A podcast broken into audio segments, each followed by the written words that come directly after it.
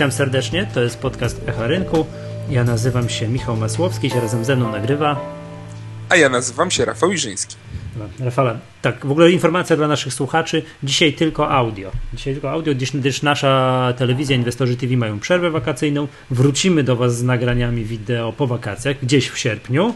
W sierpniu, a tymczasem zrobiliśmy sobie taki odcinek wakacyjny, yy, tylko audio, czyli ja u siebie w biurze przez Skype'a, ty u siebie w domu przez Skype'a i będziemy próbowali popatrzeć, co tu się w trakcie wakacji działo, bo okazuje się, że wakacje w odróżnieniu od no nie wiem, od, innych typowo, wak- innych tak, od wakacji. innych wakacji, tak, typowo wakacyjnych nastrojów, to ja muszę powiedzieć, że coś się dzieje, że nie ma, chociaż tam wiadomo, niektóre sesje są nudne, takie, że można przysnąć, ale jakby dużo wydarzeń takich w międzyczasie się dzieje, żeby, że, które moglibyśmy, po, po, o których moglibyśmy powiedzieć. Pierwsza sprawa, o której chciałem powiedzieć, Petrol Invest opuszcza giełdę. Widziałem dzisiaj jakiś komunikat KNF-u.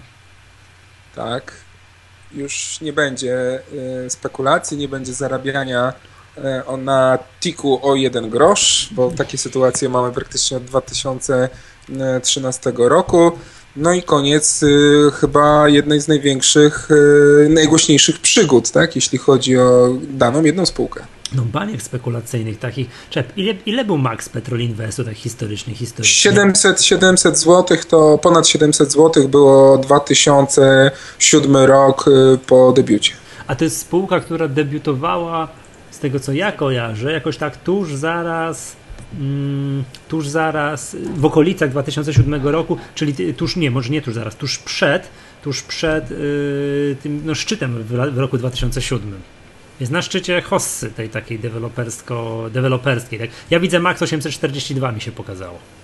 Tak, ja mam y, wyświetlony wykres y, tygodniowy. To pierwsza świeżka tygodniowa to jest y, właśnie lipiec 2007. Najniższy poziom 385, najwyższy 842. W tydzień. No to taki Tydzień. tygodniowy. To tak, można, tak można inwestować, tak? To przypomnijmy, bo to y, spółka kiedyś tam z portfela Ryszarda Krause, który chciał poszukiwać złota. Tam spółka, nie przepraszam, Boże, co ja mówię, złoto. Chciał, Czarne złoto. tak, czarne złoto, czyli ropę naftową. Miał tam w portfelu Petrol Investu było kilka, już nie pamiętam, 4, 5, 6 spółek, które poszukiwały tego, poszukiwały tej ropy.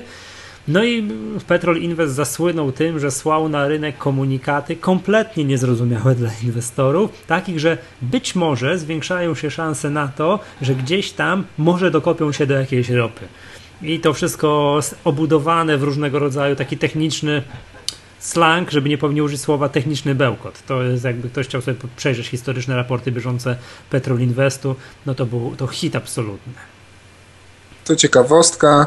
No, już od jednak od y, tak dwóch lat, dwóch, trzech lat, kiedy te akcje są groszowe, no to umówmy się, że już nie ma aż takiego wielkiego zainteresowania rynku, więc e, zresztą jak się popatrzy na obroty, no to te największe obroty były w pierwszym półroczu 2014, a później już naprawdę już tylko symbolicznie. Tak jest.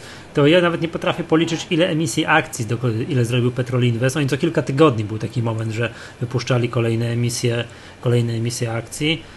No, hmm, swego. Alfabet się skończył. Tak, alfabet się chyba tak. Ryszard Krause w pewnym momencie, jak już miał swoje inne problemy, to, to wyszedł całkowicie z Petrol Investu.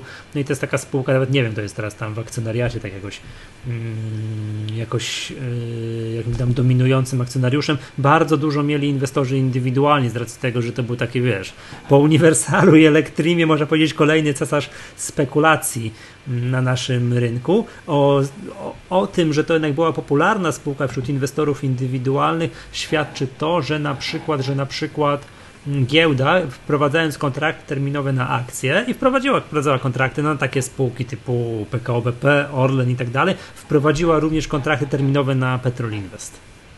No Taki- to był jeden z hitów, tak? Kontrakty terminowe na spółkę groszową. A nie wiem, czy ona już wtedy była groszowa. Chyba tak.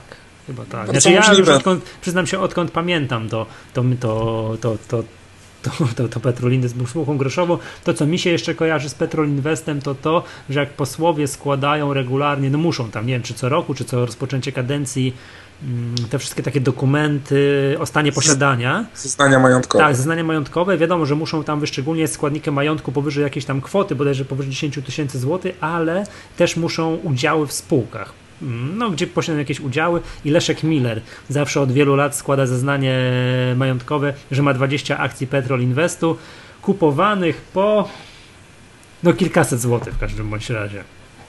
Kilkaset złotych w każdym razie, także to, to, to, to, to zawsze, to zawsze pamiętam. No to cóż, to drodzy słuchacze, jak macie te akcje Petrol Investu to nie, i jeszcze ich nie sprzedaliście, to najprawdopodobniej jak się opublikuje to nagranie tego podcastu, to już będziecie mieli je na zawsze. Tak, no dzisiaj pierwsza, pierwsza sesja po decyzji KNF-u jest minus 50%. Dzisiaj? Tak. No tak, no ale te minus 50% to oznacza to jest minus 14 groszy. minus 14 groszy. No cóż. No ja widzę taki podwójny szczyt przy 30 groszy, więc chyba sygnał sprzedaży. Tak, to analiza techniczna oczywiście Oczywiście nie ma jakiegokolwiek sensu, bo to są takie wykres jest taki szarpano przerywany, tak, no ale no wiadomo, to jest powiem tak, no jest tak przy inwestycjach w spółki, w spółki takie, które mają no bardzo ryzykowne, bardzo ryzykowne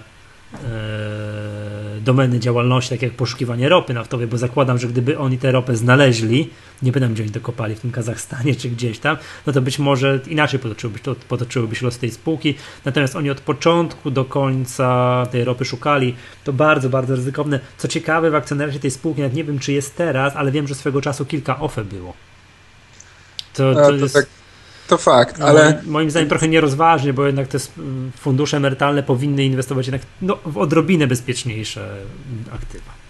To ja ci powiem taką anegdotkę. E, mm, bo może mm, czy ty, czy część z naszych słuchaczy wie lub nie wie, ja byłem przez wiele lat e, wykładowcą na uczelni, między innymi prowadziłem zajęcia z analizy technicznej, no i jak tam któregoś studenta, wiadomo, no nie wykazywał się odpowiednią kulturą i chciało mu się dać trudne zadanie, no, Czy byłeś złośliwym, byłeś złośliwym wykładowcą i znęcałeś się nad studentami? Jak, jak trzeba, to tylko odbijałem piłeczkę. E, no to wskaż formacje prowzrostowe na wykresie Petrol Investu Aha. w dowolnym okresie czasu. No rozumiesz, byłeś, byłeś złośliwy i wiesz, bezlitosny na swoich studentów. Dobra.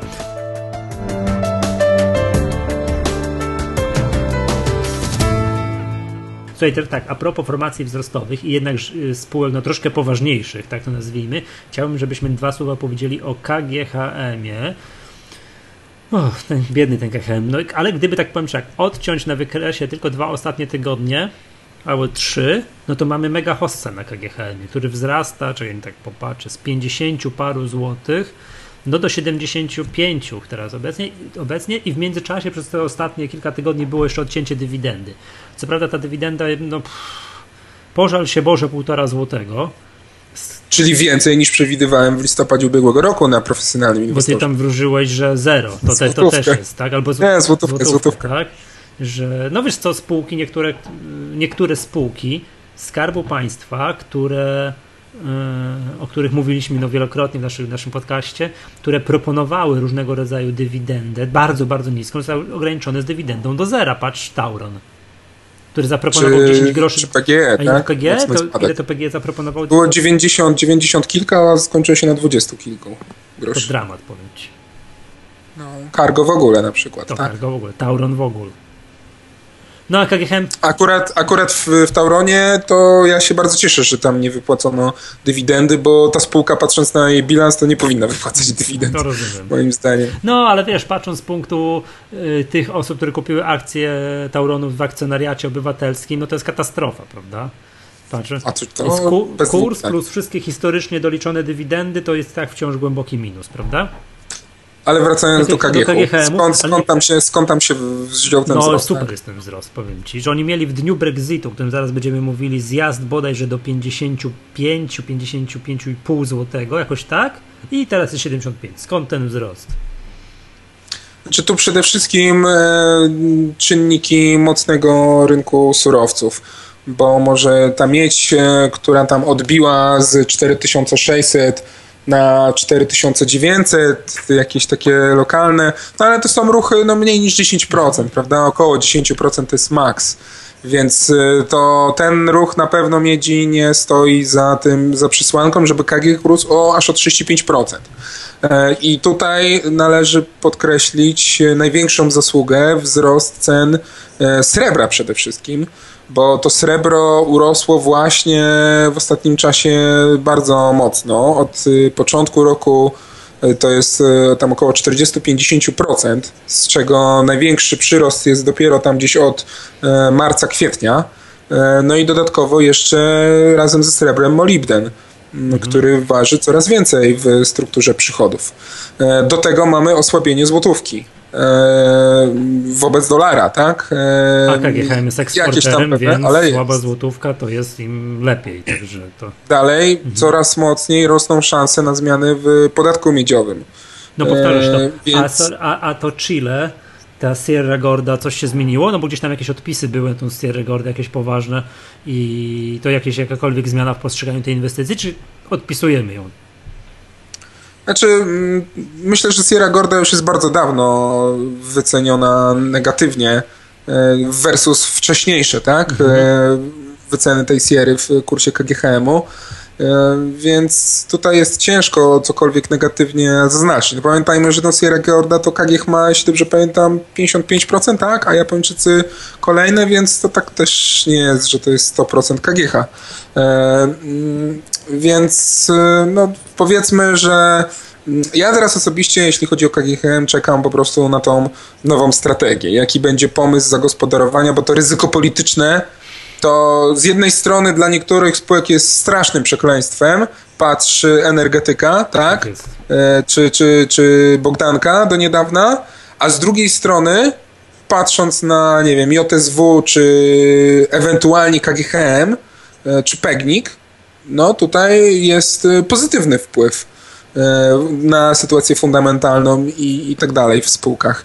Więc pytanie, jak... Ale że pozytywny w sensie masz na myśli ten podatek miedziowy, że może się zdarzyć, że posłowie się zlitują i przegłosują jakąś jego łagodniejszą po... wersję. Podatek miedziowy to był taki, według mnie, to jest taki bufor na po prostu niskie ceny miedzi, tak?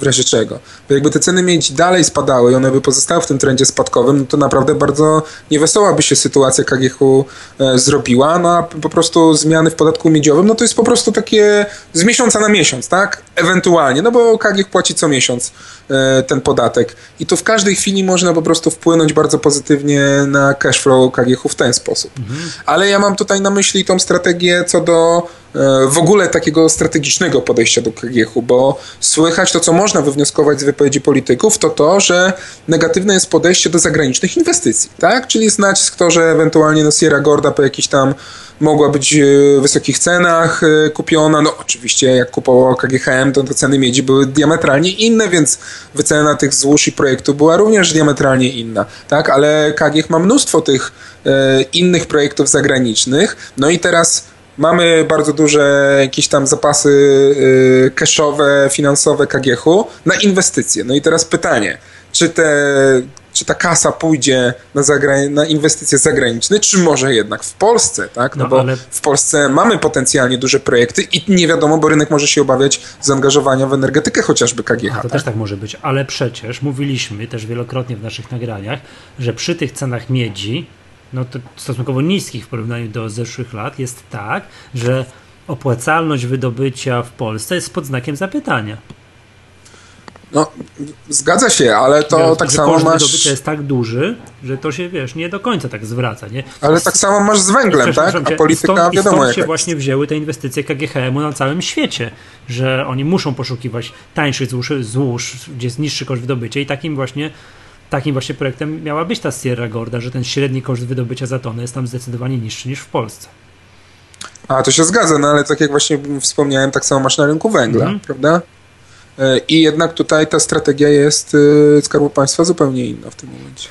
No tak. Nowa władza, zobaczymy po prostu także to może diametralnie zmienić postrzeganie, zarówno negatywnie, jak i pozytywnie na KGHM. Tu niczego nie można wykluczyć i na pewno rynek na to czeka. No dobra, no póki co KGHM właśnie w te kilka sesji zrobił, czy w kilkanaście sesji zrobił plus 35%. To jest szok. Mimo odcięcia dywidendy, to w ogóle ta, jeszcze wracając na chwilę do tej dywidendy, jest tak skandalicznie niska, że no wiesz, wiadomo jak to przy wypłacie dywidendy, że ten kurs jest korygowany o wartość, yy, kurs odniesienia jest korygowany o tej wartości odciętej dywidendy. Ja tego w ogóle nie zauważyłem w przypadku KGHM-u. No w ogóle wiesz, jakoś... Po raz pierwszy od dobrych kilku tak, lat. Tak, bo zawsze byłem, wiesz, przyzwyczajony, że okej, okay, ten KGHM 70 parę, coś tam, tuż tam 60, tam 68, 69, jak odcięta dywidenda, to ja w ogóle wiesz, nie, nie, wiesz, nie skojarzyłem, że jest jakaś wiesz, solidna korekta w cenie, że się ten kurs obniżył, aha, dobra, ale to się nic nie dzieje, bo to jest odcięta dywidenda. W ogóle mi to umknęło, przemknęło, nie? Tak, tak, jakieś to jest tak, tak nisko, tak, tak mało to jest w kursie znaczy. No cóż, no takie czasy, tak? To jeszcze podejrzewam, że na ten, na moment, że KGHM będzie płacił znowu dwucyfrową dywidendę, to trzeba będzie oj długo poczekać, tak? Na jakimś tam, na mieć po 8 tysięcy, to wtedy. To wtedy. Dokładnie tak, to jest rynek surowców.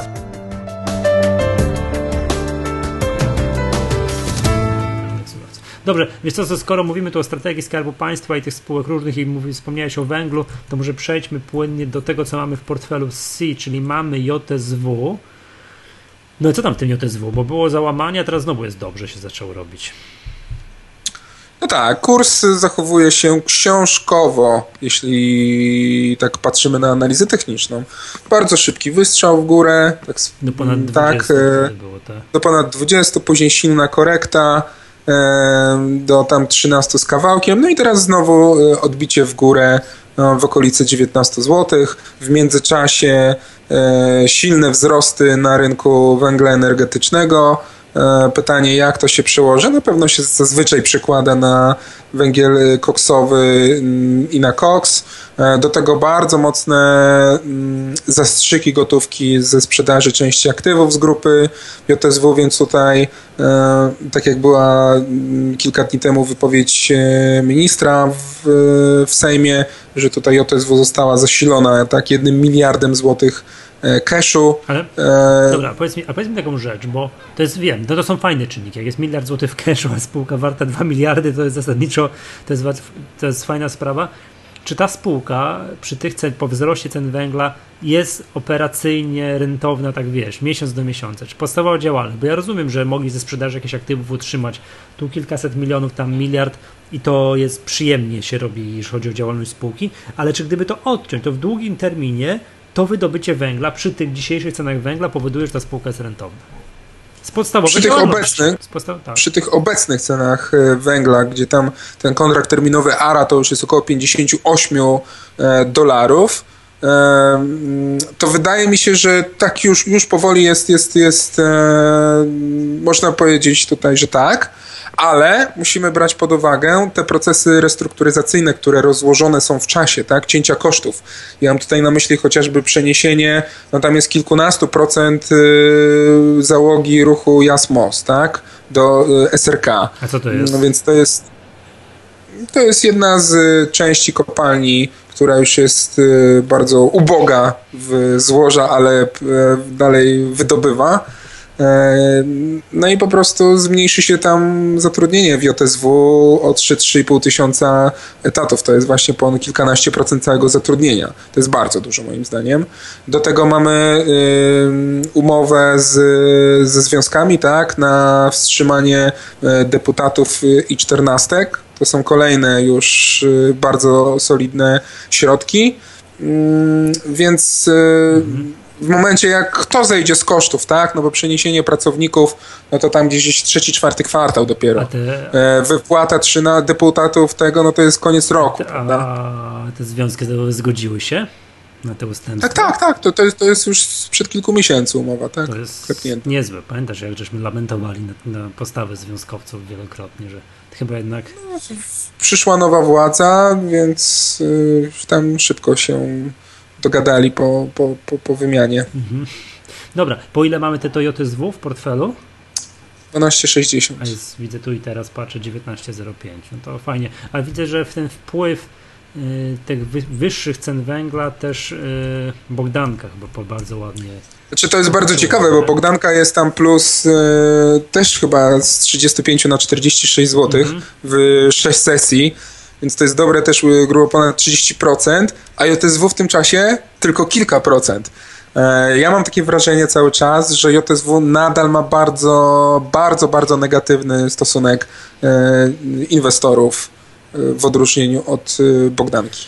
No wiesz, no wszyscy pamiętają te cyrki. Dużo więcej ryzyk jest. Cyrki Dokładnie przy JSW. To wszyscy pamiętam, że to mi się też tak kojarzy. Nawet ja bym uznał, że ta spółka jest fundamentalnie w porządku. To co mówiłeś, że wydedukował, że jednak to operacyjnie miesiąc do miesiąca zarabia, to ma szansę się wiesz, w dłuższym terminie że nie... Znaczy zarabia, no pewnie netto jeszcze nie, ale tak na cash flow e, czy na EBITDA wydaje mi się, że już powoli będzie. Ja bym chciał, żeby netto zarabiał, wiesz o co, co chodzi, nie? bo to takie, wiesz, przeszacowanie majątku, sprzedaż fragmentów e, aktywów, no to jest fajne w krótkim terminie, no bo ile tak można, prawda? No jeszcze tych zdarzeń, zdarzeń jednorazowych yy, po, chyba będzie jeszcze kilka, tak, ale wiesz, to, ale które ja będą wpływały na wynik net. To jest, wiesz, JSW, spółka z dziesiątkami tysięcy górników, sto kilkadziesiąt związków zawodowych, czy ile ich tam jest, nie? No to ja... ja no kilkadziesiąt, kilkadziesiąt. a zatrudnienie ponad, ponad 24? Ten procent uzwiązkowienia jest tam powyżej 100%, tak? Że w JSW, no to, to ja cały czas to pamiętam, prawda, że jakby tam zawsze jakieś boleśniejsze programy restrukturyzacyjne mogą się skończyć jakimś paleniem opon i tak dalej, no ale no co by nie było, no widać, że to no, odpu- no zgadza się, ale fundamentalnie to tak, przełamana linia trendu spadkowego, tam w okolicach, jeśli dobrze pamiętam, około 13-14 zł nastąpiła, więc my, my akurat zakupiliśmy to portfela przed tym, ale tam były już konkretne przesłanki fundamentalne, to że, pamiętam, że no, mówiliśmy niejednokrotnie. było pozytywnie. Więc, e, więc i mamy fundamenty i technikę teraz, tak? E, razem, razem z nimi, razem z trendem takim gramy teraz, więc ja na razie jeszcze byłbym za trzymaniem tych e, akcji w portfelu C i czekamy na dalszy rozwój.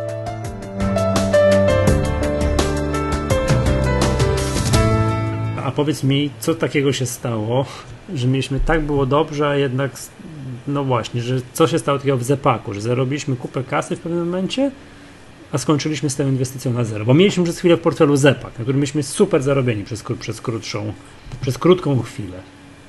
Tak, my, my Zepak kupiliśmy w momencie po publikacji od razu wyników kwartalnych, które były no naprawdę no, bardzo dobre. E, I ta spółka momentami tam mieliśmy na niej po 20-25% niezrealizowanego zysku. No i poszła informacja po prostu niespodziewana, że Zygmunt Solosz, y, on ma chyba 55% mhm. w paku, bynajmniej pakiet większościowy, e, może po prostu pójść na deala ze Skarbem Państwa i, i zamienić te swoje udziały na udziały w. A to automatycznie by oznaczało, że ZEPAK będzie ponownie państwowy.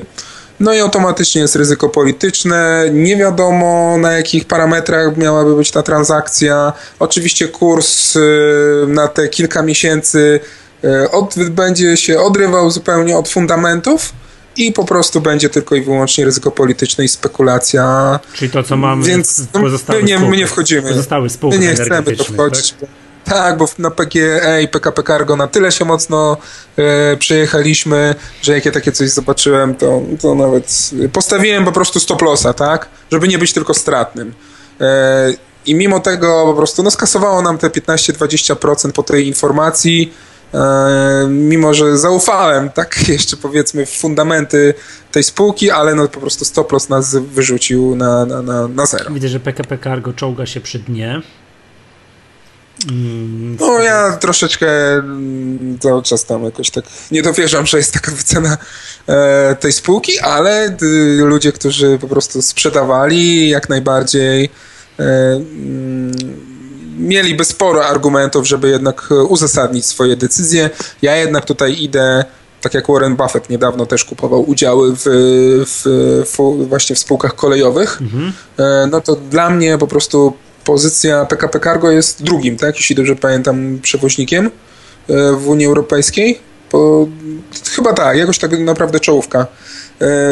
Więc po prostu z samej tej pozycji z, samego, samej ważności transportu kolejowego i teraz y, te transporty modułowe, prawda, y, kontenerowe, przepraszam, e, innego rodzaju połączenie tych różnego rodzaju transportu, wyjście za granicę PKP Cargo, e, z tym e, taborem, koneksją, rozwój tak połączeń z Chinami. No, jest naprawdę kilka szans, że mądrze zarządzana ta spółka ma bardzo duże szanse przed sobą. No ale wiadomo, mamy ryzyko polityczne, mamy niestety związki zawodowe, które tam bardzo mocno negatywnie zadziałały na stronę wydatkową e, kwestii wynagrodzeń i innych tam spraw pracowniczych, więc po prostu mamy taki zjazd, ale długoterminowo, a tak mamy kupioną tą spółkę, dalej w nią wierzę. Jak Warren Buffett. Dobrze, tak, ale to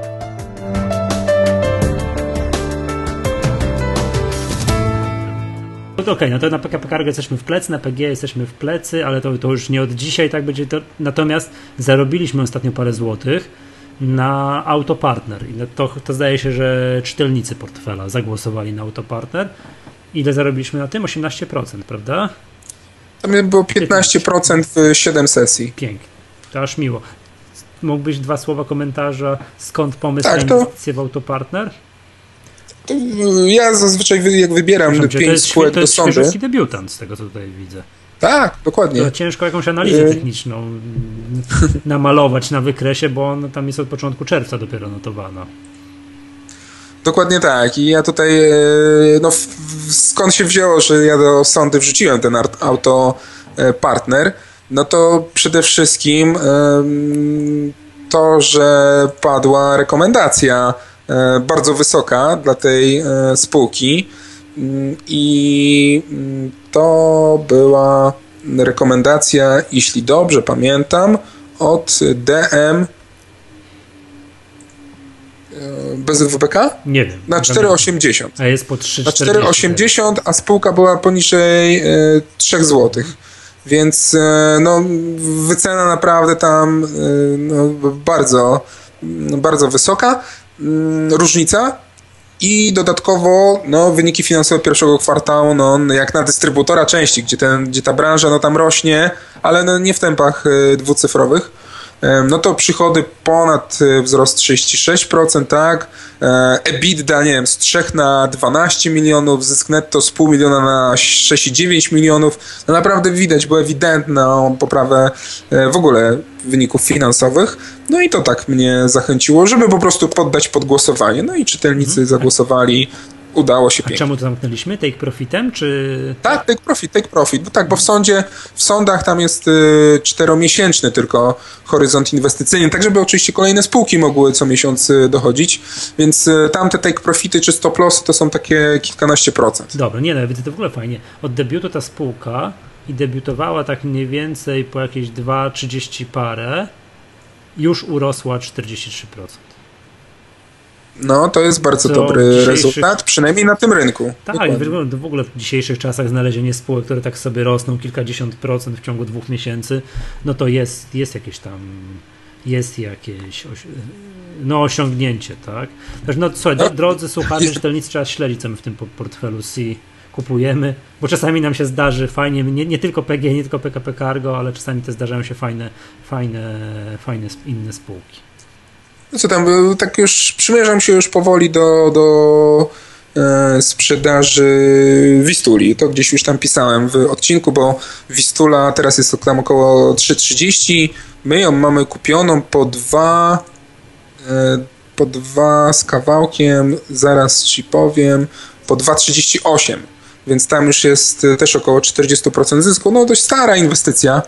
E, no ale 40% zarobić na tym rynku to też jest niezły wynik. Jest efekt, e... efekt Lewandowskiego. Znaczy, nie, no już ten kurs już od wielu, wielu miesięcy, kwartałów spółka pokazuje e, fajne progresy w przychodach, e, w zyskowności, no ale jak dla mnie powoli już te, te wzrosty już mnie zachęcają do realizacji zysków. Potencjał do wzrostów w krótkim terminie, znaczy wydaje mi się, że znajdę inne spółki w tym segmencie własnym naszym w portfelu C gdzie będzie większy potencjał do wzrostu niż tym, z obecnych poziomów na Poza tym coś się musi dziać, wiesz o co No nie możemy tego trzymać do nieskończoności jak Warren Buffett, bo będzie, bo będzie nudno. A powiedz, mamy cały czas PMPG? mamy. Bo to smutno wygląda tak ostatnie półtora miesiąca. No, typowa korekta, to, to jest kopiuj w to jest zwód tylko na innych procentach, tak? Bo -hmm. PMPG my tam kupiliśmy po około 2,24, tak? Jeśli dobrze kojarzę. E, bardzo szybkim jednym ruchem na 6 z kawałkiem, później korekta do 4, książkowo wręcz, tak? -hmm. e, więc e, spółka podała w międzyczasie prognozę wyników. Ta prognoza pokazuje e, zysk operacyjny na poziomie tam około 70 groszy na akcję. Czyli bardzo e, dużo. Więc. Jak na te wartości. No, jak, jak, no tak, no, no jest ciekawa ta prognoza. No pytanie, czy ona po prostu zostanie zrealizowana. A, no właśnie, bo, bo jak widać, jak widać e, kurs akcji, a te prognozowane e, wyniki, no to te wskaźniki e, rynkowe również by wyglądały interesująco. Nazwijmy to tak. Trzymamy, na razie trzymamy PMPG, tak? Tak, no ja na razie po prostu robimy sprawdzenie, czy, czy uda się spółce dowieść e, tej prognozy. Tutaj prezes zapowiadał, tak, podkreślał w tej prognozie, że to jest y, sezonowość przede wszystkim, tak, że to dopiero trzeci, czwarty kwartał y, daje najwięcej. Pierwszy i drugi kwartał to, to raczej historycznie też jest taki miarę. Dobry.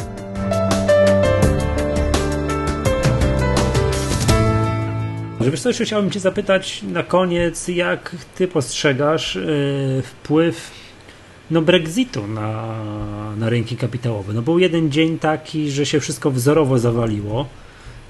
Jeden dzień, to kiedy ten Brexit był? Jakaś końcówka czerwca. No i niektóre spółki jeszcze tego samego dnia były powyżej Brexitu, niektóre im to trochę zajęło, ale to wiadomo, to była taka paniczna, jednodniowa jednodniowa, bardzo silna przecena. Tutaj to bardzo fajnie można było PKN Orlen, to jest naj, najbardziej spektakularny przykład tego, co się stało, bo dzień przed Brexitem byli po 68, 69, na otwarciu 57, a skończyli dzień znowu grubo powyżej 60, że można było tam 20 parę procent zarobić w jeden dzień. Wiadomo, to jest takie łapanie spadających noży, ale można było to zrobić. Jak ty postrzegasz, no w długim terminie, nie mówię o jednosesyjnych jakichś jednosesyjnych, głębokich spadkach. Czy ten Brexit w długim terminie faktycznie będzie miał tak duży wpływ na gospodarkę polską i na koniunkturę giełdową, czy tak, czy ten, jakby to powiedzieć, czy, to jest, czy, czy, czy może z tej dużej chmury będzie jednak mały deszcz? To jest jedna wielka zagadka dla mnie, bo to wszystko będzie zależało od y, tych wszystkich szczegółów wyjścia, na jakich warunkach, tak? E, to zostanie zrobione. Kiedy myślę, że rynki finansowe wystraszyły się tego jednego dnia, ale chyba tylko przez dwie godziny notowań. E, później wszystko wróciło do normy. Do tego czasu, zanim my się dowiemy, jak faktycznie ułożą się później stosunki handlowe e, na tej linii UK-Unia Europejska, no to minie tak dużo czasu, będzie jeszcze tyle wydarzeń, chociażby bardzo szybko to, co, co się tam, nie wiem, mogło zagrożenie z Turcji nadejść, tak? Gdyby ten put się udał. E, czy, czy dalej potencjalnie nasilający się znowu w ostatnich dniach e, Donbas, prawda?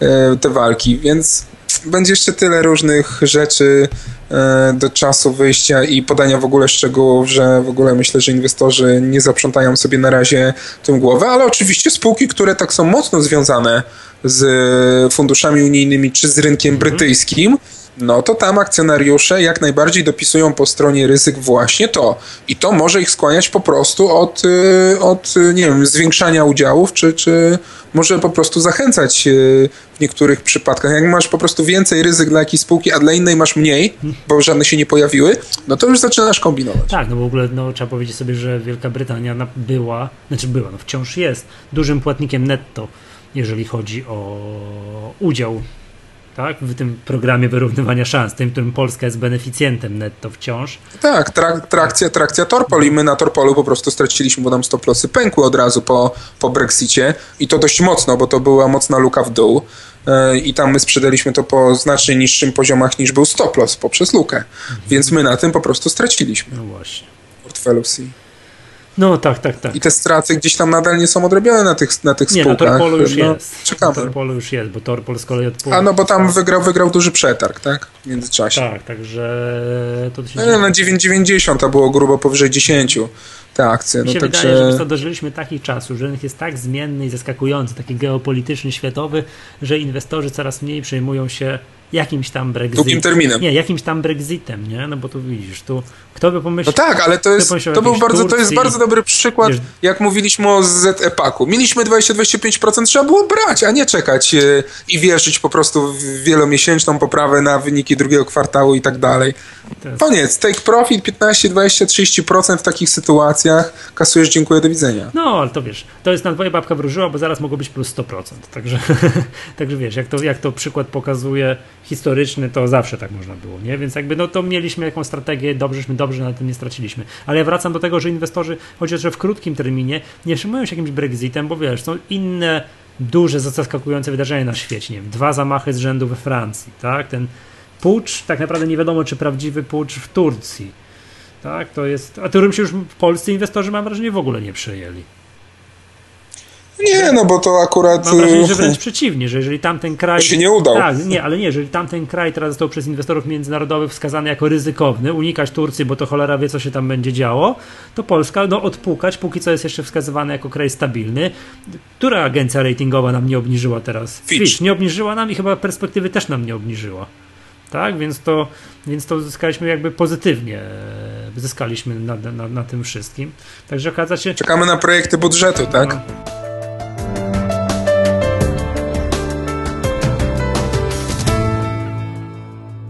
A jak Ci się podoba, już tak kończąc tutaj, ten projekt ministra Morawieckiego dotyczący ostatecznego rozwiązania kwestii OFE i tych pomysłów emerytalnych, wiesz, tych pracowniczych planów kapitałowych, tak? Nie wiem, czy to ja dobrze skrót rozszyfrowałem, bo jak, bo jak y, szukałem skrótu PPK, wiesz, ten, co oznacza, bo to są teraz te PPK i IPK, jak szuk... PPE. Nie, PPK. Pracownicze programy emerytalne. Jest, ale chodzi o to, żeby... A to były stare. Tak, stara, teraz będzie PPK. Jak szukałem PPK, to mi wychodziło, że to jest przeciwpancerny pocisk skierowany, tak? Także, ale później dopiero, że to jest, to jest pracowniczy program kapitałowy. Tak, takie coś będzie, tak? Jak Ci się to podoba?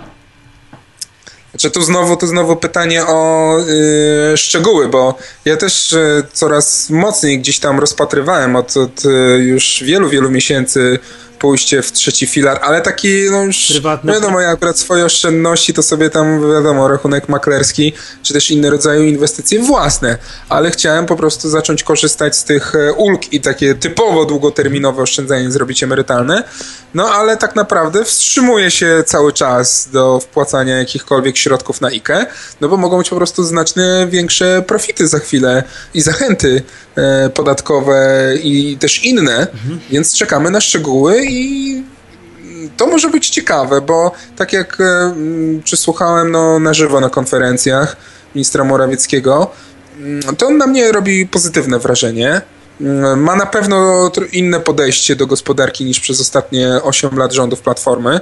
E, ja na razie tego nie skreślam, czekam na szczegóły, bo y, ekonomia i rynki finansowe są tak dynamiczne w ostatnich latach, że y, no, trzeba, trzeba również stanowczych i twardych i czasami odważnych rozwiązań i po cichu z takich się spodziewam. No co, ja... I, a właśnie, no to jest bez dwóch zdań, no Polacy muszą samodzielnie oszczędzać na emeryturę. Oparcie wszystkiego ZUS to jest po prostu jedna wielka katastrofa będzie. Nie, no to już nawet e, Rząd musi coś z tym zrobić. No. prezes ZUS-u, nie wiem kto tam jest, ale słyszałem jakąś jego wypowiedź, który już nawet prezes ZUS-u mówi, że trzeba oszczędzać samemu, bo nic z tego, bo nic z tego nie będzie i te stopy zastąpienia w, teraz już są niskie, a w przyszłości będą już po prostu katastrofalnie niskie, tak?